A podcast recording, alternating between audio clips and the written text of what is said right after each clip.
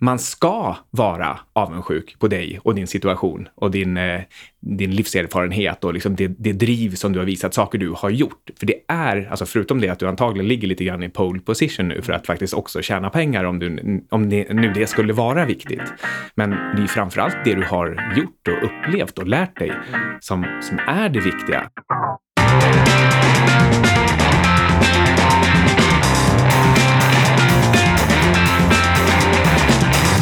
Vi sitter alltså här med, med Hisham Larnimi. Och vi tänkte börja med att prata om ditt nuvarande uppdrag mm. på Heach. Vi kan kalla det för en taxitjänst, det påminner lite om, om Uber. Mm. Eh, och sen går vi in på din bakgrund och erfarenhet som bland annat vd för Svenska Handelskammaren mm. eh, i Fort Lauderdale. Mm.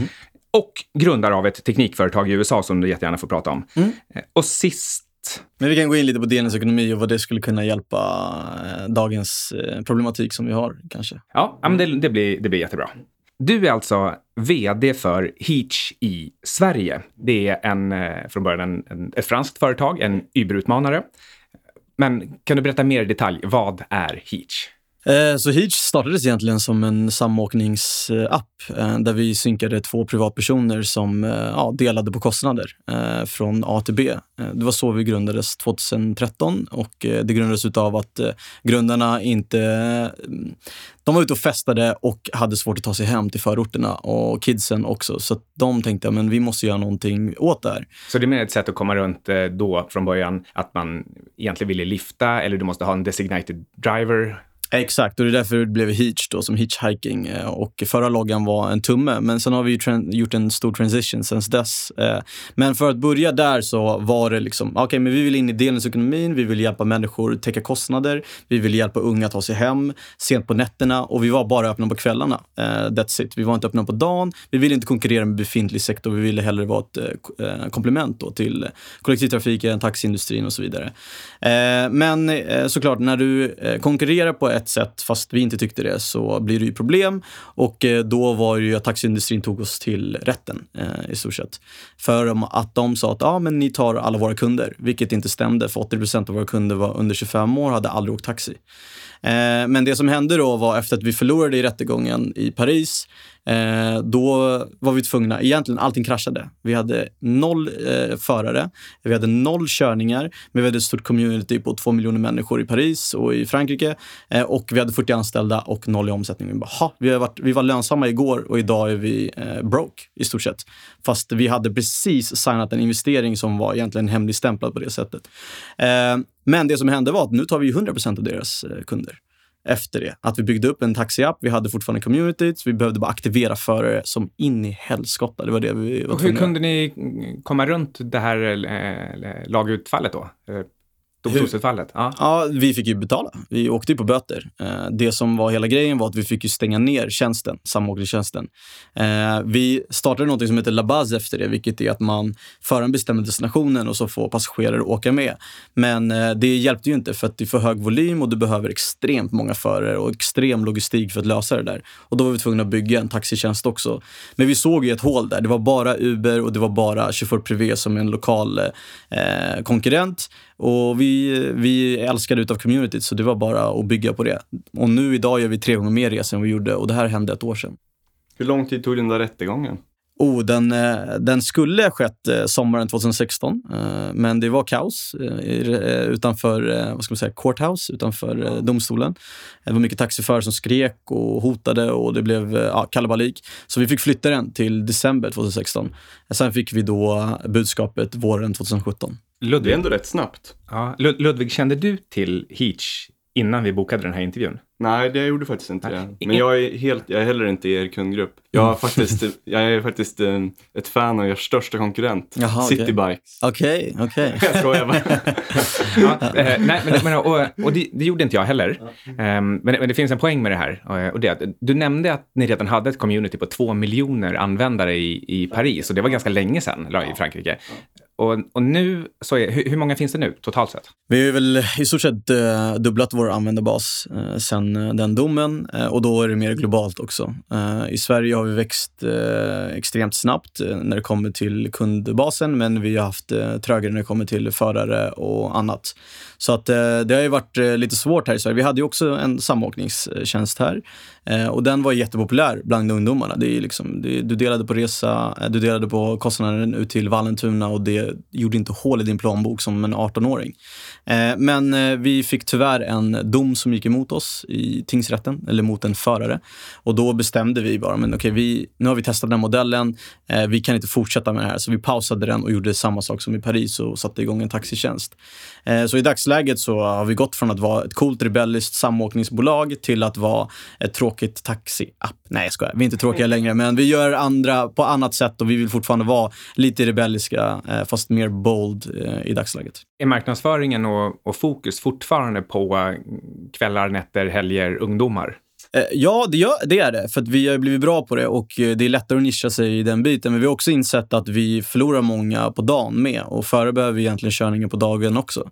Så att, eh, vi börjar ju titta på okay, hur kan vi bli bättre på dagarna. Men bara som bolag har vi alltid varit eh, festare eller eh, nattmänniskor. Och då är det inte att vi, vi har alltid sagt att man ska respektera natten, men då är det inte att man ska respektera den som festare. Man ska respektera alla delar av natten. Eh, trygghet, eh, att förare också har det tryggt ute på natten Eh, och hitta alla sätt som går att göra kvällen bättre bara. Eh, men nu måste vi även göra dagen och det är lite mer utmanande. Hur gör man för att sprida en sån här sak då? Eh, alltså till exempel marknadsföringsmässigt eller att få en tjänst att sprida sig och bli större? Mm, så det beror på. Har du pengar eh, så är det ju ett sätt. Har du inte pengar, så, eh, vilket vi inte hade. Så eh, när vi satte igång till exempel i Sverige, då fick jag, jag var själv, eh, jag fick printa flyers i stort sett. Hitta vänner som var inom klubbvärlden och sen sätta upp en liten banner. Jag tror ett av de första samarbetena var på Kåken, som är nuvarande, jag vet inte vad de heter idag, men där gick jag runt och sa det är nya app, testa, här är 100 kronor på din första resa. Och i slutändan så började det sprida sig vidare mellan vänner. Det var priset som gjorde liksom hela kicken. Eh, men i, idag är det, eh, vi har lite mer pengar så nu satsar vi fortfarande klubbbiten. Men nu vill vi göra egna fester. Vi vill vara med i festivaler, sätta upp eh, roliga stånd där man kan komma och tävla. Eh, roulettehjul eller vad det än kan vara. Och hela grejen vad vi vill är att inte få associera oss som ah, de bara krängde 100 kronor på oss och, och gav oss flyers. Nej, det var fett. Vi var vid deras stånd, vi laddade vår telefon, vi eh, vann 150 kronor på att rulla roulette vi vann godis, vi vann eh, någon partnerprodukt eller vad det kan vara. Det är den känslan vi vill ha, att det ska vara ett, eh, en upplevelse mer än att jag ger dig en kupong att åka taxi för. Okej, okay, så det här var, det här var riktig liksom, pound the pavement, gorilla, gorilla marknadsföring liksom, från början här. Ah, ja. Men sen, eh, om man, om man sen tänker på en annan sak att ni hade alla de här användarna i Frankrike och mm. en del andra länder globalt. Mm. Hur mycket av det överfördes eller kunde hjälpa dig här i Sverige? Eh, från att starta i Sverige, ingenting egentligen. Det var liksom från ground up. För när vi startade i Sverige så fanns det bara i Frankrike och ingen visste om det utanför Frankrike. Det var liksom en lokal underground brand som alla eh, unga gillade. Eh, man pratade inte så om det. Vi gjorde knappt någon PR, vi gjorde knappt någon marknadsföring. För att just att vi var grå, i gråzonen, då ville vi inte heller göra för mycket ljud av oss. Så det var mer den här äh, network effect-biten vi satsade på. Eh, men idag är det ju en annan femma och idag vill vi fortfarande, vi har en filosofi där det handlar om Eh, man ska inte spendera allt för mycket på marknadsföring för då är du kreativare. Du kommer hitta mycket bättre lösningar på att göra det. Till exempel här i Sverige har vi köpt en rolig elcykel med cargo eh, där vi har brandat och man kan ta parkerna nu när det är så bra väder. Du kan ge dem godis, du kan ge dem en Nocco, du kan ge dem vad som helst. Men samtidigt så får de en flyer. Men de kommer ju fortfarande vara nöjda. De fick ju någonting gott eller någonting de kommer komma ihåg och sen en flyer på det. Och det man kan också göra, ja men det är 100 kronor på den här, på den här flyern men om du laddar ner den nu så är det 200 kronor. Så vi brukar ju köra sådana saker. Jag gillar annars den här eh, synergitänket med att man, man fixar fester mm. och eh, inriktningen är mot de här ungdomarna som går på de här festerna och mm. som behöver hjälp med att ta sig hem från festen. Mm. En helt annan grej. Eh, Uber kan ju ha den här fördelen av att det är så många som använder det globalt. Så när mm. man kommer till en ny stad, då är det man är bekväm med. Det, man, är liksom redan, man har redan vant sig och vet hur man gör. Och Visst, nu är, nu är ni så pass stora i Frankrike, så om det kommer franska ungdomar till Sverige, mm. då kanske de redan är beredda på att använda Hitch. Um, men uh, har du några tankar om när ni når över den tröskeln, att det här faktiskt blir en, en, en, en riktig nätverkseffekt mellan länderna. Ja, det är ju väl där eh, en grej som är positivt med att Uber är så stora är ju att vi kan vara second movers hela tiden och lära oss ifrån dem och använda deras förare och allt annat. Och vi behöver inte utbilda människor hur appen ska användas om vi kan lägga oss så nära som möjligt. Men en sak som vi satsar på, eftersom vi är ett franskt bolag, så kikar vi mycket på fransktalande länder idag, i dagsläget. Så Nordafrika, vi är inne i Marocko nu, vi är på att kika på Egypten, eh, vi kollar mer i Centralafrika, Elfenbenskusten, lite länder som redan är associerade till, till Frankrike. Då. Och man kan titta, det finns en app som heter App Annie när man kan se vilka som är mest nedladdade appar i olika länder. Och då ligger vi före Uber i många afrikanska länder, vilket är intressant, fast typ Uber finns där eller eh, inte finns där. Så att eh, vi kikar ju eh, i de lägena. Jag tror om vi börjar där eh, så kommer vi få en Eh, en början till den här nätverkseffekten där du åker till Abidjan och beställer en hijj. Men eh, jag tror fortfarande att vi kommer ha en utmaning när det kommer till till exempel Sverige eller London när vi ska öppna där. Eh, att få folk från Sverige att åka till London och använda hijj. För Uber har varit så dominanta i den biten och det har de varit duktiga på. Men en dag så vill man ju såklart komma till den punkten. Men i dagsläget vill vi bli starka först lokalt och sen kan vi börja diskutera hur vi kan göra det med att få folk att använda det i andra länder. Mm. Ungefär nu så tycker jag det passar ganska bra, nu när vi förstår lite grann vad, mm. vad Heach är för någonting, mm. att vi, vi backar tillbaka och liksom tar reda på eh, vad du gör med Heach och ja. hur, hur du hamnade här. Så eh, till att börja med, eh, du blev vd för, för Heach i Sverige 2016 och då, mm. då flyttade du alltså hit och etablerade själva verksamheten också. Kan du berätta varför just du fick jobbet? Hur gjorde du? Eh, bra fråga. Jag, eh, jag hade bott i USA i sju år och Eh, jag tänkte antingen jag skulle jag till San Francisco, vilket där jag började min USA-resa, jag var där i tre år. Eller om jag ska hem, min familj är fortfarande här i Sverige och min andra familj är i Marocko och det är lite närmare att komma dit. Men jag började kika lite, bara skoj på LinkedIn och sa, ja, men vad kan finnas att göra i Sverige om jag skulle flytta, tillbaks nu? Men då hade jag också ett annat bolag bolag som också gick bra. Så det var ju så här, ah, vill jag stanna kvar? Men problemet var att jag ogillade verkligen Miami eh, på många sätt och vis. Det är skitbra stad att åka och semestra i, men bo inte där. Det är väldigt så här, jättesvårt att bygga bolag med människor eh, i den staden. Varför men, är det det? Eh, det är ju lite den här manana manana attityden Det är mycket snabba cash. Det är, det är inte, de ser inte en långsiktig eh, vision i mycket där.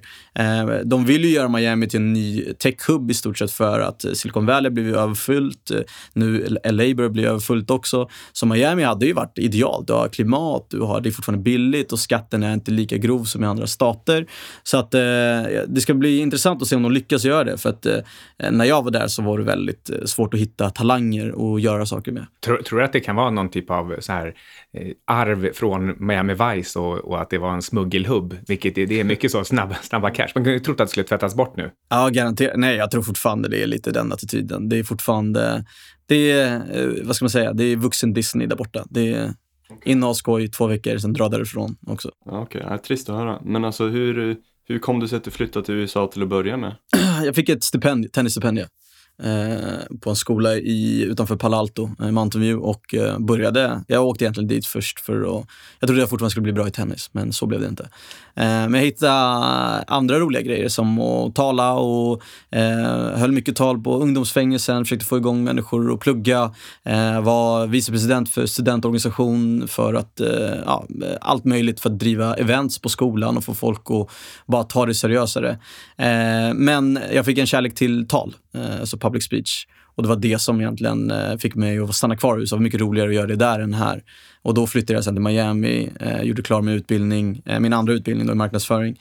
Och sen så fastnade jag med handelskammaren, men det tror jag vi kommer till sen. Ja, det gör vi. Och, och just det, och, och, sen kom du på att ja, men jag gillar inte riktigt Miami, jag vill göra någonting annat. Exakt, så att, eh, ja, men jag browsade lite på LinkedIn och så såg jag, det roliga var att jag trodde det inte var Hitch från början. Jag såg någon så här rekryteringslänk, eh, bolag och så sa de att det är en ride sharing service. Jag trodde det var BlaBlaCar som är eh, också franskt, som är långdistans och väldigt stora i, i eh, vissa länder. Eh, men sen så visade det sig att det var lilla Hitch som hade typ 15 anställda och eh, gjorde 10 000 resor i veckan och gjorde en samåkning. Och jag bara, Ja, men det här är ändå en resa. Det här är ju kul. Det är ett gäng och varför inte? Jag kan lika gärna testa och så får vi se. Eh, men när vi började diskutera så var det lite motsägelser. De bara, men du är lite för amerikan eller du är lite för svensk. Vi behöver någon som liksom eh, fattar lite oss, eh, den biten. Eh, men då sa jag, men vet du vad, alltså, jag kan gå halva lönen som vi diskuterar nu i tre månader eh, och så får jag bara bevisa. Så kör vi en provanställning, sen om ni inte tycker om mig så kan ni liksom hämta någon ny. Eh, men ja, nu har jag varit där i två år faktiskt. Imorgon blir det. Det här låter som att det var en ganska lång anställningsprocess ändå, där, där du låg på och de liksom försökte slå undan dig lite grann. Men eh, mm. vad, vad hände egentligen? Eh, det, var väl egentligen både och. De ville ju egentligen, eh, de var intresserade, men de hade inte insett hur dyrt det är att vara i Sverige när du inte har tagit in pengar. Eh, att eh, löner är rätt höga här och kontorskostnader och allt möjligt. Och det tror jag de fortfarande ångrar idag att vi öppnade i Sverige. Om vi hade fått välja valet så hade vi nog öppnat i andra länder istället. Eh, men det som är fint med Sverige också, det är att det är eh, mycket pengar eh, när det kommer till average income på hos anställda, men däremot resorna. Det är mycket högre än alla andra länder. Eh, men eh, det slutade egentligen med att eh, vi, nu gillar vi varandra. Nu vill de att jag ska göra mycket mer än bara Sverige och, och är väldigt inblandad i alla rundor och lite annat skoj. Så att, det slutade ändå bra. Skulle du uppskatta om någon annan eh, attackerade dig själv på samma sätt i, för att bli anställd? Alltså, är, det, är det här någonting att rekommendera? Det, eh, eller, eller vad lärde du dig som du kan lära ut till någon annan som vill ha jobb av din process där du faktiskt helt enkelt bara tog jobbet? Ja, det, jag förstod ju det sits eftersom jag själv hade ett startup innan och jag hade bara rest 100 000 dollar då och jag hade ju inte råd att anställa massa människor. Jag ville ha folk på driv i stort sett. Eh, och sen så ger man dem lite aktier och, eller optioner och sen så kan man börja förhandla att komma upp. Och det var ju lite där Hitch var på den tiden. Så jag fick ju ändå till slut när vi liksom blev klara eh, upp, eh, aktier då i bolaget. Och, men jag har fortfarande en rätt låg lön för det jag gör. Eh, så det är ju liksom, du får välja lite. Vill du ha hög lön eller vill du ha lite, vara delaktig i själva processen? Och det var, jag tror att det var det som var deras poäng med hela den här rekryteringen. Att de ville se att jag var värd det för att jag skulle ändå få ett stort chunk för att det var fortfarande ett ungt bolag som ändå var i expansionsläge. Eh, men ja, jag vet inte, jag, jag gillar ändå den här att man visar framfötterna och det är så jag rekryterat en i teamet idag. Uh, han visade framfötterna på samma sätt och vis där han egentligen jagade mig. Till slut så eh, anställdes han och nu är han en av de bästa i, i teamet eh, jobbar riktigt bra. Vi pratar ju rätt ofta om att man ska vara ändå ganska aggressiv när man försöker söka jobb. Mm. Och åtminstone att testa alternativa metoder och inte bara det som alla andra gör. Ja, men till exempel att jobba gratis eller mm. halva lönen. Mm. Eller kontakta folk. Ja, mm. men, men eh, jag kan ju ärligt säga att i praktiken så har jag ju egentligen inte testat det själv eller, eller, eller varit med om ja. att någon har gjort det faktiskt mot mig själv heller. Mm. Um, och jag tror att det, det, generella rådet folk alltid ger, det är så här, du ska inte backa på din första lön, för det blir en anchoring effekt som aldrig, som inte löser sig för mm. resten av karriären. Mm. Jag, jag, tror ju inte på det, men jag vill liksom gärna ha den här typen av konkreta exempel. Jag tänker att den biten funkar ju kanske för eh, att man inte ska göra som med stora, stora bolag som faktiskt eh, inte behöver hålla på och förhandla på det här sättet. Men eh, är du ett litet bolag och är i startup-fasen så tror jag att det här är ett bra sätt, för då får du också rätt människor med driv in i bolaget och inte människor som kommer in för lön eh, på det viset. Och jag ser en röd tråd egentligen genom min karriär. Det är att jag har gjort så här flera gånger innan. Alltså Handelskammaren, jag var ju praktikant innan jag blev vd där och jobbade gratis i stort sett. Eh, on Decker, det var inga pengar alls för mig, men det var liksom drivet som drev mig att göra det. Så att eh, nej, om du har ett startup så tror jag att det här är ett, ett sätt att göra det på. Men sen måste man ju ändå inse värdet utav människor. Man kan inte hålla på och utnyttja dem för alltid. Man måste ändå komma till en, en punkt där, okej, okay, men du är heltidsanställd nu och här är ett stock option eller optionsprogram som gäller i tre år eller vestingskar eller vad du än vill sätta det på. Så att eh, nej, jag, eh, jag är nog för en sån här, om du är ett startup, om du är ett stort bolag så tycker jag det är bara tråkigt om du gör så här. Jätteviktig distinktion tycker jag, ja. mellan de olika två anställningsformerna. Vad är ditt uppdrag nu med, med Hitch? Vad är det du ska åstadkomma? Jag ska väl få det att funka i helhet. Lite, lite mer konkret då. Hur, nej, hur, hur, snabbt ska ni växa och är det bara Sverige eh, och, som, som du är ansvarig för? Ja, i dagsläget så jag är med och, och, och diskuterar mer globala perspektiv som liksom, nu ska vi in i London och vi ska in i, i Kairo och lite annat och är med på de bollarna med. Men eh, fokus idag är liksom stabilisera Sverige, öppna fler städer i Sverige eh, och sen så får vi se om jag öppnar skandinaviska länder eller om jag åker över eh, vattnet till UK och hjälper till där istället och bygger upp teamet där. Men eh, egentligen det roliga är att när jag fick, när jag började jobba med dem så var det ju liksom, ja, manage growth och, och, marketing, typ, det var liksom det. Men i slutändan blev det lobbying och det blev media, det blev allt möjligt och jag var ju verkligen inte redo på, på de här grejerna. Men det var liksom, okej, okay, bara come at me, bara skicka grejerna. Jag tar det liksom en, en och en. Så det är en, en grej som vi alltid diskuterat, att Sverige har ju varit ett sånt land där de inte behöver tänka på, jag har alltid fått ta allting. Alltså från saker och ting med myndigheter, till polis, till vad det kan vara. Sånt som man egentligen inte skulle behöva göra. Eh, att man har ett team som hanterar kriser eller eh, PR-team. Eh, Men när du är ett startup får du, då får du bära flera hattar, hattar på det sättet. Vad har förberett dig för att kunna ta den här typen av utmaningar på uppstuds? Eh, varför ligger du inte i fosterställning och gråter om nätterna och jag är så ensam? Ja, nej, men det är ju uppväxten och allting man har gjort innan dess. Det är ju all erfarenhet. Det är att vara idrottare, att ha startat bolag innan, att flytta till USA själv. Alla de här sakerna har ju förberett mig till, att, eh, till den här situationen eller till idag. Eh, jag brukar skämta om det. På två år har jag säkert gått igenom vad folk är på 40 år som eh, i vissa managementpositioner. Det här är liksom... Jag har ju börjat få grått hår. Jag fyller ju 30 år, liksom, så det är lite... Det är väl det som har satt uh, lite trend på det. Men uh, nej, det är, det är uppväxten som har satt... Uh... Vad är ditt värsta ögonblick i tennis? Alltså, vad, är, vad är den närmsta vinst du har haft till exempel, men som blev en förlust? Oj, Oj det, finns, det finns en story faktiskt som är riktigt vidrig. Det är att eh, eh de som kan tennis och, och förstår hur poängsystemet eh, funkar kommer ju skratta åt det här. Men det är ju psykologiskt. Jag ledde, tror jag var en KM-final, klubbmästarfinal eller semifinal med 6-0, 5-0 och torskade. Jag torskade andra set med 7-5 och sen ledde jag tredje setet igen 4-0 och torskade 6-4. Det är nog en av de jobbigaste. Och eh, hur såg bollarna ut när du ledde med 5-0? Vad, vad var, det måste ju funnits någon, eh, någon särskild boll nästan i det gamet. Det var ju gummi. Alltså det var ju liksom, det bara var bara att sätta spiken i kistan, men det gick inte. Den flög in i väggen och jag vet inte vad. Och det är någonting man lär sig. Det är ju psykologiskt bara. Jag tycker själv att det, alltså, tennis är en av de, de värsta sporterna som finns. Alltså golf mm. möjligen kan tillhöra den också, för man kan mm. förlora förlora hur stor ledning som helst. Men, men just tennis, det här att 6-0, 5-0, det är inte ens en ledning, för det är varenda boll räknas. Exakt, och det är ju det man alltid säger. Allting är 0-0 hela tiden när man spelar tennis. Och det, är, det jobbiga är att du spelar mot dig själv och någon annan. Och det är ju där hela kruxet är. Och jag kan tänka mig att det är liksom lite liknande när man går upp mot myndigheter. Du kan ha byggt upp den här samåkningstjänsten hur långt som helst och sen mm. plötsligt så kommer ju ett rättsfall och säger nej, stopp. Exakt, uh, och det är ju när man leder 6-0, 5-0 och uh, någon kommer in och säger stopp. Men då är det ju bara att hitta ett sätt till att uh, vinna det där tredje sättet och det är ju att bygga upp en taxitjänst då när du redan har synergin och, och communityt till att göra det. Vad tänker du allra mest på nu? Vad, vad är det för eh, liksom, punkt eller utmaning eller liksom grej som du ska, som du ska göra med Hitch. Det som du liksom hela tiden, så här, du, du, vet vad det är för ett konkret problem, men du måste också lösa det på något sätt. Ja, eh, man vet ju oftast vad problemen är och vet man inte det så, så gör man, man testar sig fram och så hittar man eh, lösningen. Men mycket i dagsläget för oss hänger egentligen på produkten. Eh, för att när vi byggde eh, appen från början så skulle det bara vara en samåkningstjänst och när den byggdes från hela början så skulle den bara vara i Frankrike.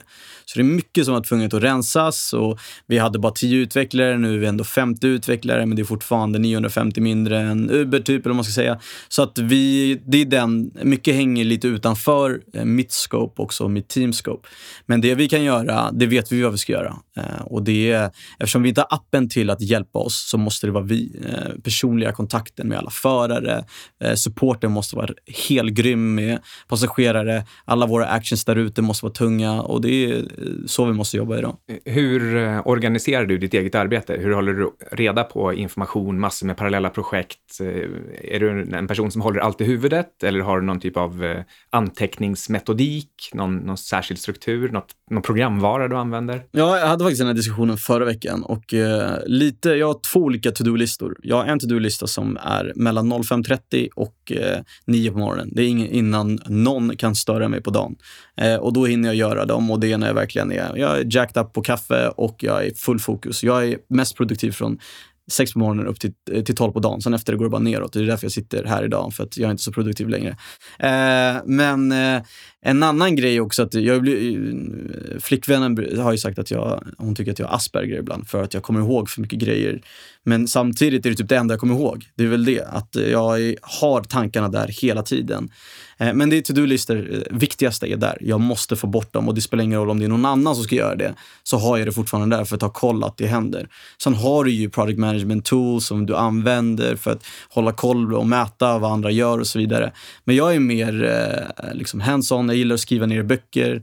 Jag tror jag snittar en notebook i, i månaden minst. Så att, det är där jag skriver ner. Låter som du Ludvig. Ja, ja, ja lite. lite. Ja. Vad använder du för någon så här project management? Eh, det är också en rolig grej. Vi sitter och diskuterar nu hur vi ska kunna skala upp nu när man blir... Vi har gått från 50 pers till 130 pers på sex månader och då är det problem med internal communication. Så att vi är på och kollar nu om vi ska använda Notion med Basecamp eller Notion med någonting annat. Och det, vi är inte där än, för alla är inte gemensamma. Och utvecklare gillar ett, ett visst project management tool. Ja vi gillar ett annat och det, det är bara, ja, vi måste bara komma fram till, till eh, en produkt som alla... Hur många utvecklare är ni? Nu skulle vi säga att produkt och utvecklarteamet är ungefär 45 personer och alla sitter i Paris eller remote. Så att... ja, jag läste någon rolig historia där med, eh, det var Paypal för länge mm. sedan då, när Elon Musk och Peter Thiel och de där höll på och gjorde det där. Mm. Och eh, så bytte de programvaror mot vad utvecklarna gillade själva. Mm. Och då det blev det, det blev den värsta striden på företaget. Liksom. Mm. ja, men det där är svårt. Det är svårt och alla är ju vana vid deras sätt att arbeta. Men även inom utvecklarteamen är också, de är inte gemensamma. De som är back-end eller de som är mobile devs eller vad det kan vara, de, är ju, de har ju olika sätt också att jobba på. Eh, så att, men vi måste hitta ett sätt där vi alla, alltså allting måste bara vara på samma plats för att hålla varandra accountable. Vi vet när vissa produkter kommer, när vissa features kommer och Slack är det sämsta när det kommer till sådana grejer. Och det har vi ju insett. Slack är skitbra när det kommer till att man är ett litet team och kör mycket async och man pratar mycket om idéer och sånt. Men när du blir 130 pers och har Slack, det är huvudvärk. Men Slack, det kan väl kanske ha en kritisk gräns på så 5, 6, 7, 8, 10 pers kanske? Ja, och vi har 130 pers och säkert 500 kanaler och det, följer man inte alla så har man ju inte koll på allting och därför behöver du något um, project management som och produkt uh, maps och så vidare så folk hänger med och förstår att det händer grejer med utvecklingen. Jag tror att nästan alla brottas lite grann med det här med hur man ska prioritera mellan att eh, släcka kortsiktiga bränder mm. eller jobba strategiskt. Mm. Det här du gör på morgonen när du, är, när du har din liksom biologiska produktivitetspeak, mm. mm. vad är det du gör då? Är det strategiskt arbete, eh, hoppas jag, antar jag? E-, eller sitter du och släcker bränder då? Nej, då är det mer att jag tänker eh, och får eh, planer gjorda, presentationer, eh, vad det än kan vara. Men eh, oftast är det ju släcka bränder som gäller för mig i alla fall under dagarna. Eh, men eh, hela bolaget, eh, Hitch-bolaget, vår mentalitet har alltid, det har varit problemet, vi har bara släckt bränder. Vi har aldrig kunnat bygga på eftersom vi har haft kris efter kris efter kris när det kommer till rätt och myndighet och så vidare. Eh, och att vi inte vet om vi ska överleva eller inte. Och du vet, så här, Ska vi lägga ner så mycket tid på ett projekt om vi inte ens existerar om sex månader? Men nu äntligen har vi kommit till en fas där vi kan faktiskt liksom ha en treårs vision och femårs visions innan folk frågar men vad är ni om fem år? Jag, bara, mm, jag vet faktiskt inte. Det, är, det där är en svår femma att göra. Men nu äntligen så vet vi. Har du någon konkret metod personligt för eh, balansen mellan de här två olika sakerna? Det strategiska och, och, och kortsiktiga. Uh... Hinner du leva? Hinner du leva som person? Eller är du, eller är du? Ja, jag, det som är roligt med Heach är att mycket av de sociala grejerna är ju med Heach. Mycket fester och mingel och sånt.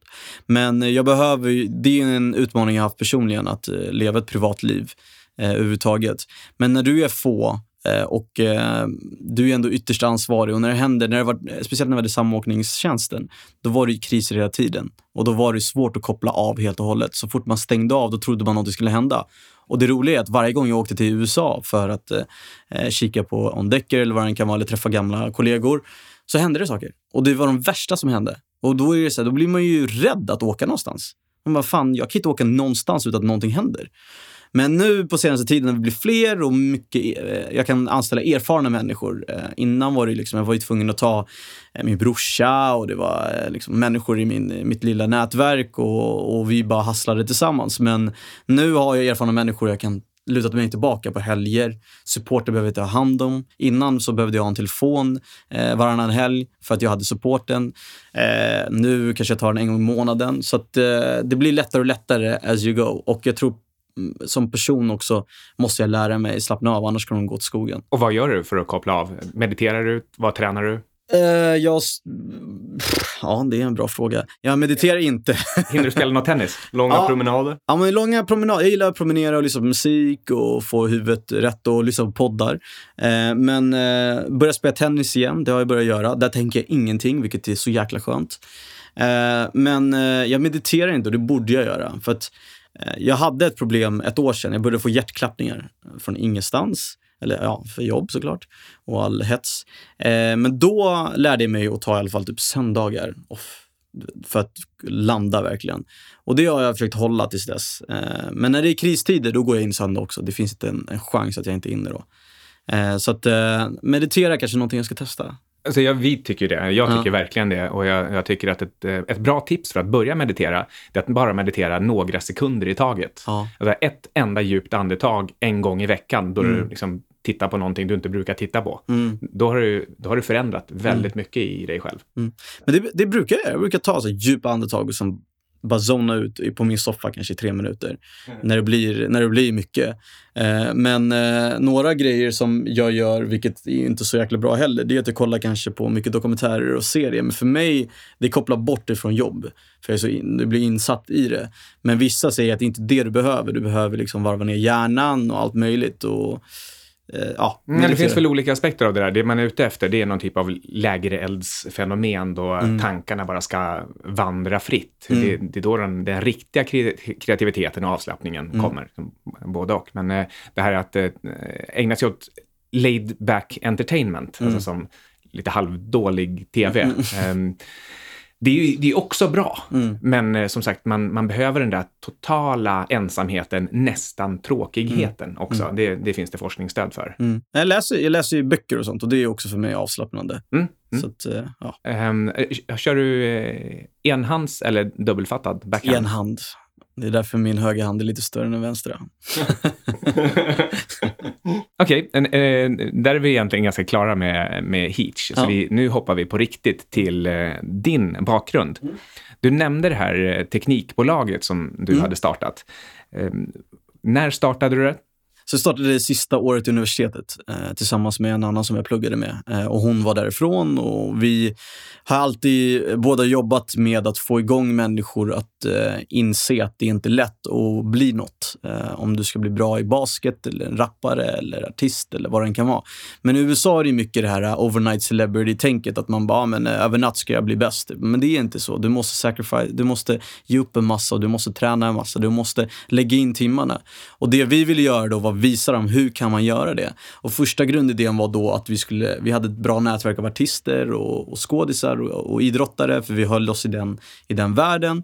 Så vi ville egentligen ta dem och börja intervjua dem och, och få folk att förklara, för det är det de, de ser upp till. Och om vi kan få dem att titta på de här som de ser upp till, att det är inte så lätt, att de är ärliga med allting de har gått igenom, eh, då trodde vi att vi skulle kunna få en impact. Men utöver det så ville vi också bygga en ordentlig nyhetsaggregator som inte var skit. Alltså det inte var skvaller eller den biten. Men att den skulle vara väldigt nischad mot det du ville lyssna eller se på.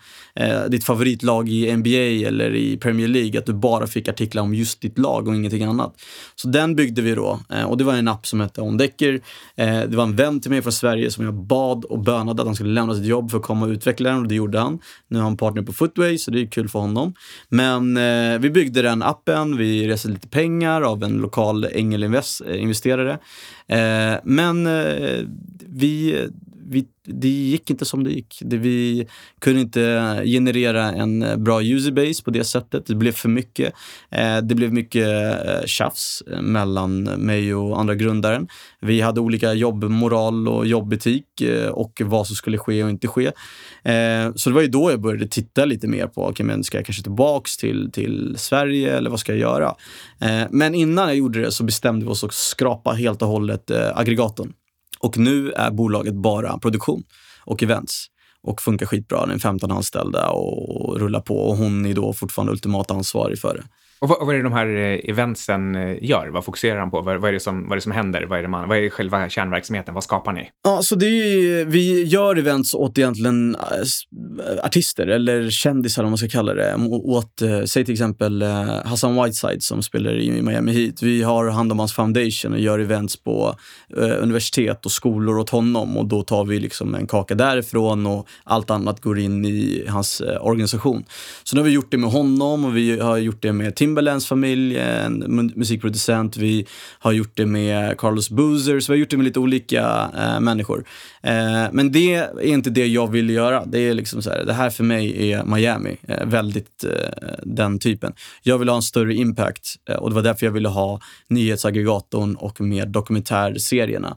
Eh, att ge, göra någon förändring åt de här människorna som ska förstå vad realitet var. Och då blev ju Heach en mycket bättre alternativ för min del. Men hur kom du sen in på eh, Svenska Handelskammaren? Mm, det var ju samtidigt. Så, att, eh, så det var mycket, det var fullt upp. Du, du, du var inne lite förut på det, ja. eller vi var inne lite förut på det här med att här, ta alternativa karriärsval. Ja. Jag tycker du är ett bra exempel på det, att du gjort mycket konstiga saker, ja. liksom, men ändå lyckats få ihop det på något sätt. Det ja. tycker jag är bra. Eh, så Handelskammaren, det roliga är att jag var ansvarig för boendet på skolan. Så jag var ansvarig för tio personer också som jobbade i mitt team. Eh, jag var, då hade precis börjat bygga på Ondecker. Eh, jag hade fortfarande min sista säsong i tennis för skolan. Och sen så dyker den här möjligheten med Handelskammaren upp. Och jag sa nej från början. Jag kan inte. Det, blir, det är för mycket om jag ska hålla på och praktisera här 20 timmar i veckan också och försöka få igång organisationen för att de inte hade ett, ett kärnteam. Eh, men han, Peter då, som var den som startade det, Peter Hult, han och jag satt oss i ett rum i 30 minuter, så gick jag ut därifrån med hur mycket energi som helst. Och jag bara, ah, men jag gör det. Jag, jag gör det. Jag, jag ska lösa det. Jag kommer göra allt det här. Eh, det var jobbigt, men det var bara en kort period. I mitt huvud var det bara, jag kommer bara göra det i ett år. Sen kommer jag ändå tappa två saker. Sen kan jag göra omdäcker och Handelskammaren. Men efter ett halvår då som praktikant, sista året i universitetet, så lämnade hon då som var vd då. Och hon klarade inte av det. Så då sa han bara, men vill du göra det? Så fick jag den rollen. Så var jag nästan lite bananskal, men samtidigt som att jag ändå fick bevisa mig i ett halvår som praktikant och jobba gratis och jobba järnet. Eh, och sen var jag det då i ja, två år tills jag flyttade tillbaka till, till Sverige. Men hur hände det här till en början? Alltså, var det att de hade typ någon tjänst som de lyste ut för att vara praktikant på Svenska Handelskammaren och du sökte den? Eller träffade de här personerna på något sätt och bara det kom spontant? Mm, eh, jag har alltid sagt att jag har haft en, en liten Guardian Angel i, i Miami. Det är en svensk tjej som jag träffade eh, direkt när jag började plugga där och hon och jag blev jättebra vänner. Och det är hon som har egentligen introducerat mig till jättemånga eh, möjligheter. Hon var den som introducerade mig till hon som jag grundade Ondeki med och hon var den som introducerade mig då till Peter. För Peter hade frågat henne, vi behöver någon svensk som kan driva på det här nu när det precis har startat, det har varit ett år och vi kan inte torska momentum på det här. Och då sa han, men du borde träffa den här snubben, även om jag var helt dränkt i, i saker och ting. Och så träffades vi via henne då. Eh, så det var så jag fick eh, gigget. Okej, okay, och vad gör man sen på Svenska Handelskammaren? Vad, jag tror många, alltså alla känner ju till mm. den organisationen, men är hur ser det ut? Det, är, det ser ut så som du vill att det ska se ut. Det är lite den. Eh, du kan antingen eh, vara med i Svenska Handelskammaren och kicka tillbaka och leva på att du har varit där och fått ett visitkort, vilket händer rätt ofta. Eh, eller så gör du någonting åt det. Och det jag ville göra var ju att dra ner medelåldern inom Svenska Handelskammaren i USA. Om man tittade på alla styrelser, om man tittade på alla som var chefer eller vad det var, det var ju oftast äldre män. Och då var det inte så mycket coolt som hände och vi behövde ju få ungdomarna. Det var mycket svenska ungdomar som pluggade där, mycket svenska ungdomar som jobbar där. Eh, så hur ska du få det? Det, var, det? det, finns en rolig historia. Vi hade ett summit i Atlanta och de ville få in Spotify som sponsor. Så jag nådde ut en kompis som var på Spotify och han sa aldrig i livet. Ja, varför då? Nej, men Svenska Handelskammaren, det är ingenting. Spotify ska vara ungt och coolt. Vad har vi med Svenska Handelskammaren att göra? Och då sa jag till honom, kolla här, det här är den stämpeln vi har fått som kammare och där är hela USA. Eh, men eh, de, ja, det var lite, det, det, finns mycket drama för de tiderna som man kan ta eh, off topic, men det var inte snälla perioder ibland när det kom till Handelskammaren. Det var mycket politik och, och, inte fin politik på det sättet. Men det jag fick göra var ju, jag fick ju fria tyglar eh, tack vare att Peter var ordförande i organisationen och eh, han sa bara gör vad det du behöver göra. Men tack vare det så har vi startat jätteroliga in initiativ nu som finns i flera städer. Som Brännboll, som jag kallar för Fireball. Eh, de har gått fem år nu i Florida. Skitkul. Eh, och nu har de börjat göra det i andra städer. Eh, jag var med och vidareutvecklade J1-programmet, vilket är eh, internprogrammet som eh, kammaren har och UD har tillsammans. Så att, eh, ge, det jag sa, ge bara unga en chans att få springa med det här. För att om ändå ingen annan kommer göra det, om ni vill ha ungdomar som kommer till organisationen och ni vill få förnyat blod, då måste ni göra det på det sättet. Men eh, det var kul. Det var jäkligt kul. Jag hade ett ungt team och det var bara roligt att, att göra det alla andra inte kunde göra eller ville göra. Eh, vi var nog den enda handelskammaren som hade events med shorts. Eh, vi var, alltså det var så att du kunde komma hur du vill och vår slogan var all inclusive, not exclusive. Bara för att ge lite narr också till själva handelskammaren. När man pratar om de här sakerna, hur du eh, gick sista året på tennisskolan, mm. du startade det där företaget, ni pivotade, mm. du, liksom, du fick en liten fallout och inte riktigt gillade, eller ja, du i alla mm. fall slutade med det och sen har du det här med hur du kom in och sen efter ett tag blev vd på Svenska Handelskammaren. Mm. Det här låter ju som att det är oerhört länge sedan, men vilka årtal årtal var det här? Det här är inte så... Alltså, det känns länge sedan. Det känns som att det var uh, jättelänge sedan. Men det var... Så jag tog examen 2015. Så det var mellan 2014 till uh, eh, 2016 tills jag flyttade mm. tillbaka. Precis, så det här är, liksom, det är inte ens en handfull år sedan. Nej. Och sen tror jag att många som lyssnar på det här, de skulle bli rätt avundsjuka på ditt CV, din livserfarenhet, din position just nu. Mm. Du är, som, eh, låter det som, ganska, ändå ganska stor delägare i, mm. i Heach. Eh, och, och, du är vd och, och, du driver på det här som ändå låter som att det, det är liksom verkligen på väg att bli någonting. Eh, och du är 29 år, mm. eller har du fyllt, fyllt 30? Nej, snart. Tre månader. Ja. Eh, men om man då vänder lite på det. Ja. Eh, du har ju gett avkall på höga löner till exempel och mm. du har tagit delägarskap, kan mm. vi säga kanske istället. Mm. Så jag misstänker att din, din, eh, din inkärningsperiod ligger framför dig snarare än bakom dig. Ja, det kan, vi, kan jag definitivt, definitivt säga. Eh, eller hoppas, kan jag säga. Ja, och hela min poäng med den här storyn är, mm. man ska vara avundsjuk på dig och din situation och din, eh, din livserfarenhet och liksom det, det driv som du har visat, saker du har gjort. För det är, alltså förutom det att du antagligen ligger lite grann i pole position nu för mm. att faktiskt också tjäna pengar om, du, om det, nu det skulle vara viktigt. Mm. Men det är framför allt det du har gjort och upplevt och lärt dig mm. som, som är det viktiga och mm. som man ska vara avundsjuk på. Jag vill bara liksom få fram den mm. liten dubbeltydigheten här. Ja, men sen har jag inget socialt liv, så det behöver man inte vara avundsjuk på. du verkar ändå ha ett ganska bra nätverk. Ja, nej, jag, jag Eh, jag, jag, brukar alltid... Det är en sån, ett problem med mig och många andra. Det är att man aldrig tittar tillbaka och uppskattar det man har egentligen gjort och vart man är någonstans. Att man bara tågar på. Och det är lite farligt också. Det är, jag föreläste för några veckor sedan på SU och då var de här diskuterade. De, de ville ju de, det var Business Week, International Business Week, så det var många entreprenörer där, många chefer och de sa bara mig, mig, mig, jag, jag, jag och så grym, bla, bla. Jag gick in och körde egentligen tvärtom. Jag bara, gör inte det här om ni inte är redo på det, för det är riktigt jobbigt. Alltså, du har ångestattacker, du har det här, det kan vara...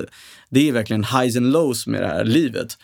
Men jag skulle aldrig byta ut det mot något. Och eh, pengarna ska inte vara drivet överhuvudtaget, för då kommer du aldrig bli... Eh, alltså, då kommer du aldrig få känna den där hajen den hajen som man har när man löser vissa jättejobbiga situationer och man ser att folk älskar det du gör, det är oslagbart. Eh, så att eh, det ska man vara avundsjuk på. Allt annat är... Eh. Ja, det är, det är en av de, en av de ja. värsta sakerna jag vet med det moderna samhället, är att den har satt så stort, stort fokus på på pengar. Ja. Jag skyller nästan på Mad Men och mm, liksom mm, hela den mm. eran med, med reklam. Eh, som, som får en att tro att det viktigaste är, är att köpa någonting som gör grannen avundsjuk. Ja, verkligen. Men det verkar som att du, du har varit ganska driven av att göra saker som är utmanande eller bygger ditt självförtroende. Liksom. Mm. Hålla tal. Hur många mm. personer var det på SU till exempel när du snackade där? Jag är väl 100 plus kanske. Men det, jag höll ju graduation speech i, i mitt första universitet och då var det ju 5000 personer. Och där, där var det skak. Är det så här valedictorian då? ja, exakt. Så det var ju det var skaka på benen. Det var tur att jag hade podium eh, framför mig. Men hur är det nu? Har du fortfarande några några skak eller är det ganska mm. naturligt? Eh, jag, jag, är ju väldigt nervös alltid innan och det är normalt och det är bra att vara det. För om du inte är nervös innan så känns det så här, då är det inte kul längre. Det, är ju, det roliga är ju det här nervösa sen att det släpper och man ser att folk tycker om det och folk tycker det är intressant och sen feedbacken efter. Eh, men jag håller tyvärr inte tillräckligt mycket tal längre. Jag har inte haft tid, men jag ska försöka gå tillbaka till det. Så att... Men om du skulle gå upp för tusen personer nu, mm. skulle du säga att du är mer eller mindre nervös än, än en andra server när du leder med 6-0, 5-0? Ja, jag är nog mer nervös med andra servern, för att jag vet att den den kan gå åt vad som helst. Men att håller jag tal, säger fel ord, ja, det är lugnt. Jag kommer överleva. det finns ju ett knep, eller det finns ett par knep när man, när man håller tal. Eh, ett av dem, är att förknippa den här ökade pulsen mm. med att, att det är någonting positivt och spännande. Mm. Att liksom så här, yes, nu, nu, jag, jag är upphetsad, jag ska ju mm. göra någonting upphetsande. Mm. Bara så att man Eh, för kroppen vet egentligen inte om varför den har liksom dragit på mm. systemen. Det är bara situationen och det man tänker om situationen som mm. talar om att, att du är nervös snarare än upphetsad. Mm. Eh, och en annan det är att eh, försöka hitta lite så här vänliga fyrbåkar i publiken. Men då mm. måste man ge sig ut den mm. i förväg och, och, och, prata med fem personer som man sen mm. lätt kan, kan se och, och titta på i publiken. Ja, jag tror, jag vill ju alltid aima på att få någon att skratta direkt. För då vet jag, ah, okej, okay, jag har crowden med mig. Och då är det viktigt att ha någonting. Alltså, till exempel på den här föreläsningen på SU, då hade jag ett par Birken och gick runt där och sa att det är inte normalt att folk går runt med dem på Strandvägen, men jag gör det för att jag bryr mig inte i stort sett. Eller vill bara ge en poäng till dem också och förstå att du, behöv, du kan vara dig själv och du måste hitta ditt eh, unika liksom, och inte försöka vara som alla andra egentligen. Eh, men då fick man ju lite så här, men han är lite ändå avslappnad och då fick jag crowden med mig och då är det lugnt. Då kan jag säga vad som helst.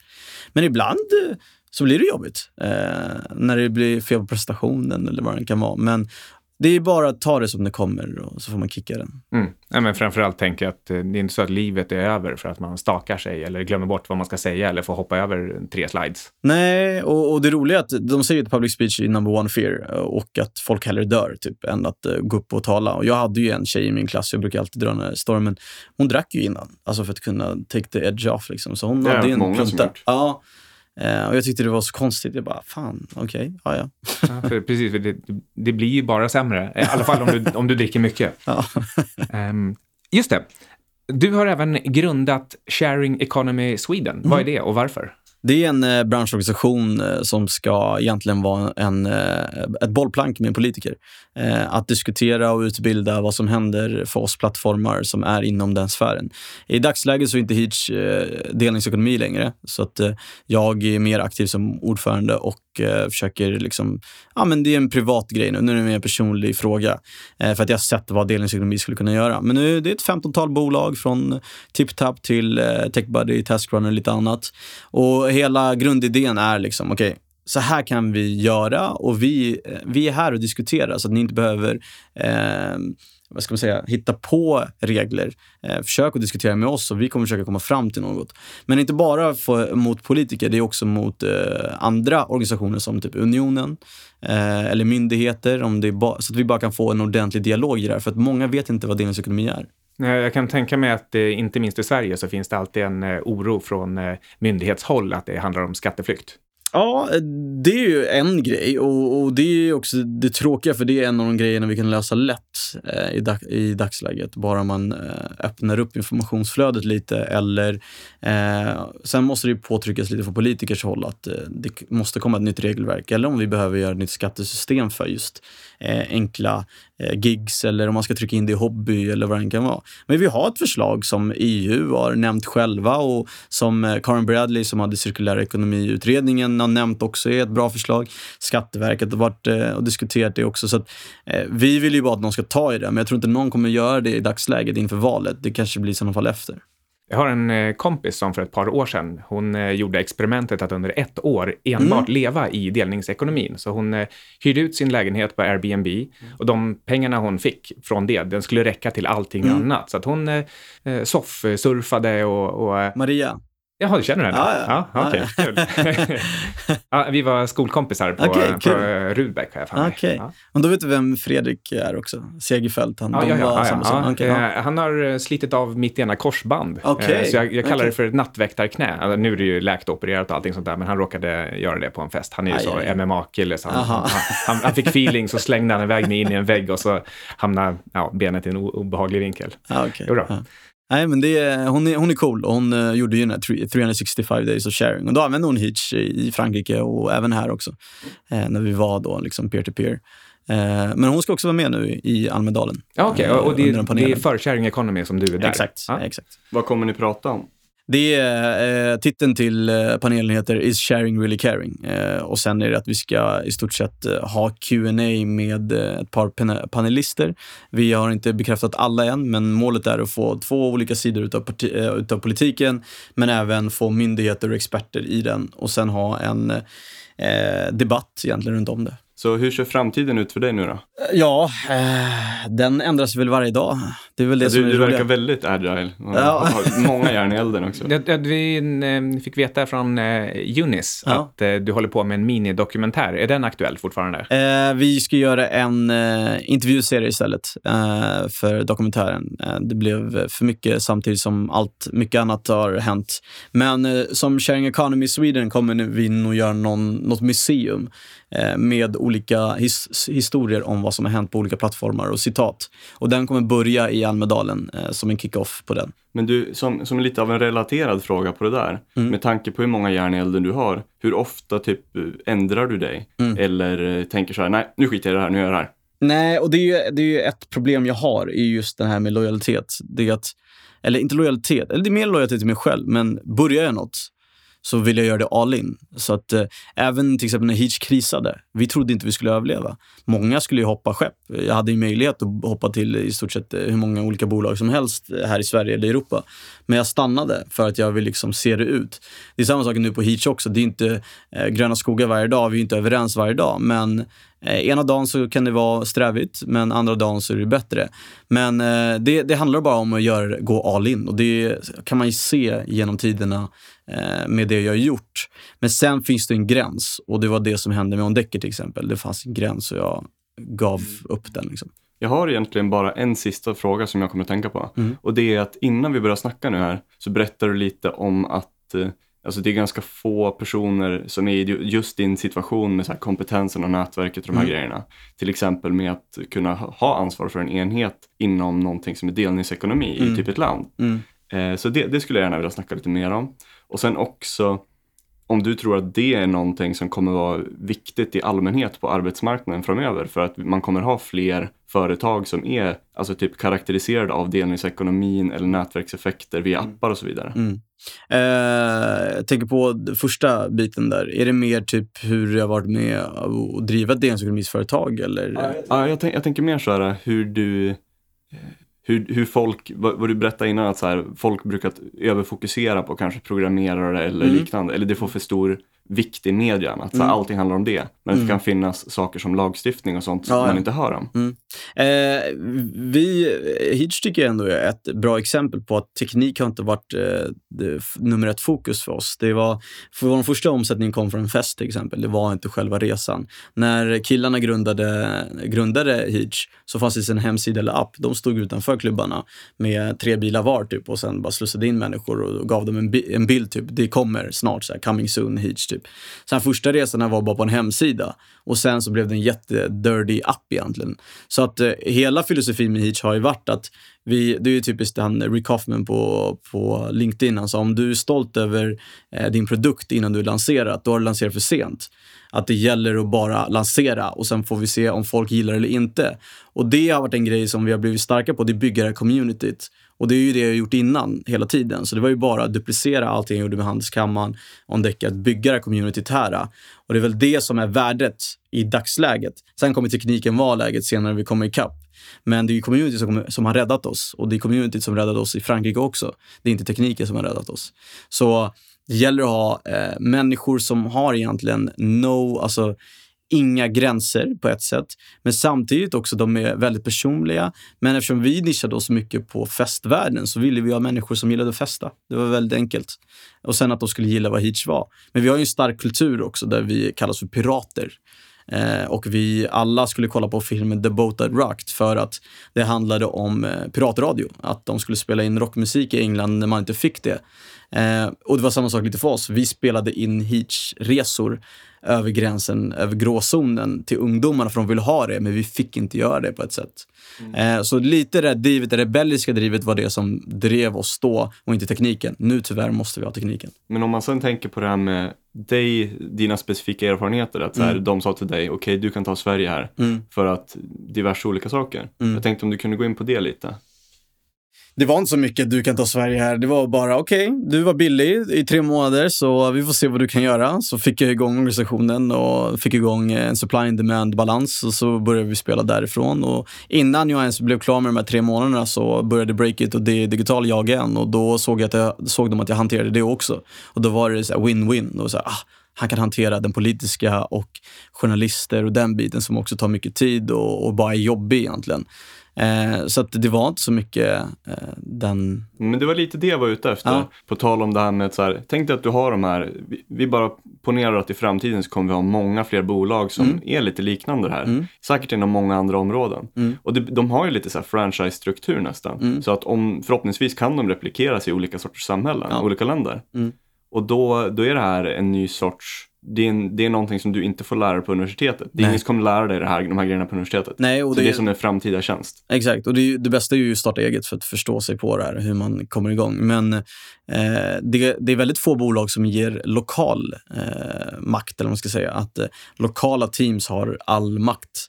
Det är oftast toppstyrt. Det finns ju många techbolag idag som du måste fråga i USA och det tar kanske fyra veckor innan du får en svar för att få göra saker och ting. Mm. Och det var en grej som vi ville ändra på också. Men då gäller det att ha rätt människa lokalt för att kunna ge den typen av makt till den personen. Eh, och det är oftast lokala människor som vet marknaden och det är de som behöver kunna vrida och vända på spakar snabbt och inte sitta och fråga A, B och C i San Francisco för att eh, få ändra på saker och ting. Så vi, när vi bygger tekniken nu också så bygger vi den för att kunna ge en, en, en makt till lokala eh, teams att kunna ändra snabbt. Om en konkurrent går från 20% i kommission till 15, då kan jag eh, på två minuter ta på min telefon och ta ner den till 10. Alltså det är lite den eh, filosofin vi har, att vi ska vara snabbare än alla andra för att vi kan det, för att vi fortfarande är små också. Så får vi se hur det blir sen om en 500-600 pers, hur vi behöver göra. Ja, grymt. Jag har inga fler frågor. Är det något särskilt du skulle vilja lägga till? Är det, kan man söka upp dig någonstans eller ska man eh, ladda ner eh, hit? Ja, jag laddade ner eh, appen hit och skrev in Love STHLM så får du 200 spänn på din första resa. Ja, Love Stockholm förkortat. Vi, vi tar med det brevet. Ja. Nej, man kan hitta mig på LinkedIn väl enklast och och eh, även mail eh, eller sociala medier. Så att, eh, eh, det är bara, ha, har någon, någon frågor eller någonting så det är det bara fråga. Saknar ni, söker ni några nyanställda inom något särskilt eller förare? Ja, vi är alltid ute efter förare. Det kommer alltid vara ett supply-spel. Liksom. Men samtidigt är vi alltid ute efter roliga och talanger som är hungriga på att ändra eh, på marknader och världen i stort sett. Men såklart utvecklare. Jag är alltid emot det här med att eh, sitta och smsa eh, och mejla och sånt. Jag träffas jättegärna snabbt. Bara, ja, men ska vi ta 30 minuter eh, på ett café och bara surra? Och då får jag ut mer än vad jag får ut egentligen på ett samtal eller eh, sms. Och Sen gillar jag också den här att jag ska veta hur du reagerar. För att om jag skämtar och jag inte får någon reaktion, det är jättejobbigt. Men skämtar jag på telefon, då vet jag inte om jag får reaktion eller inte. Så att, eh, jag föredrar, det är bara att slå en pling eller, eller mail och, och fråga efter en kaffe så ställer jag jättegärna upp. Ja, tack så mycket. Tack, tack själva.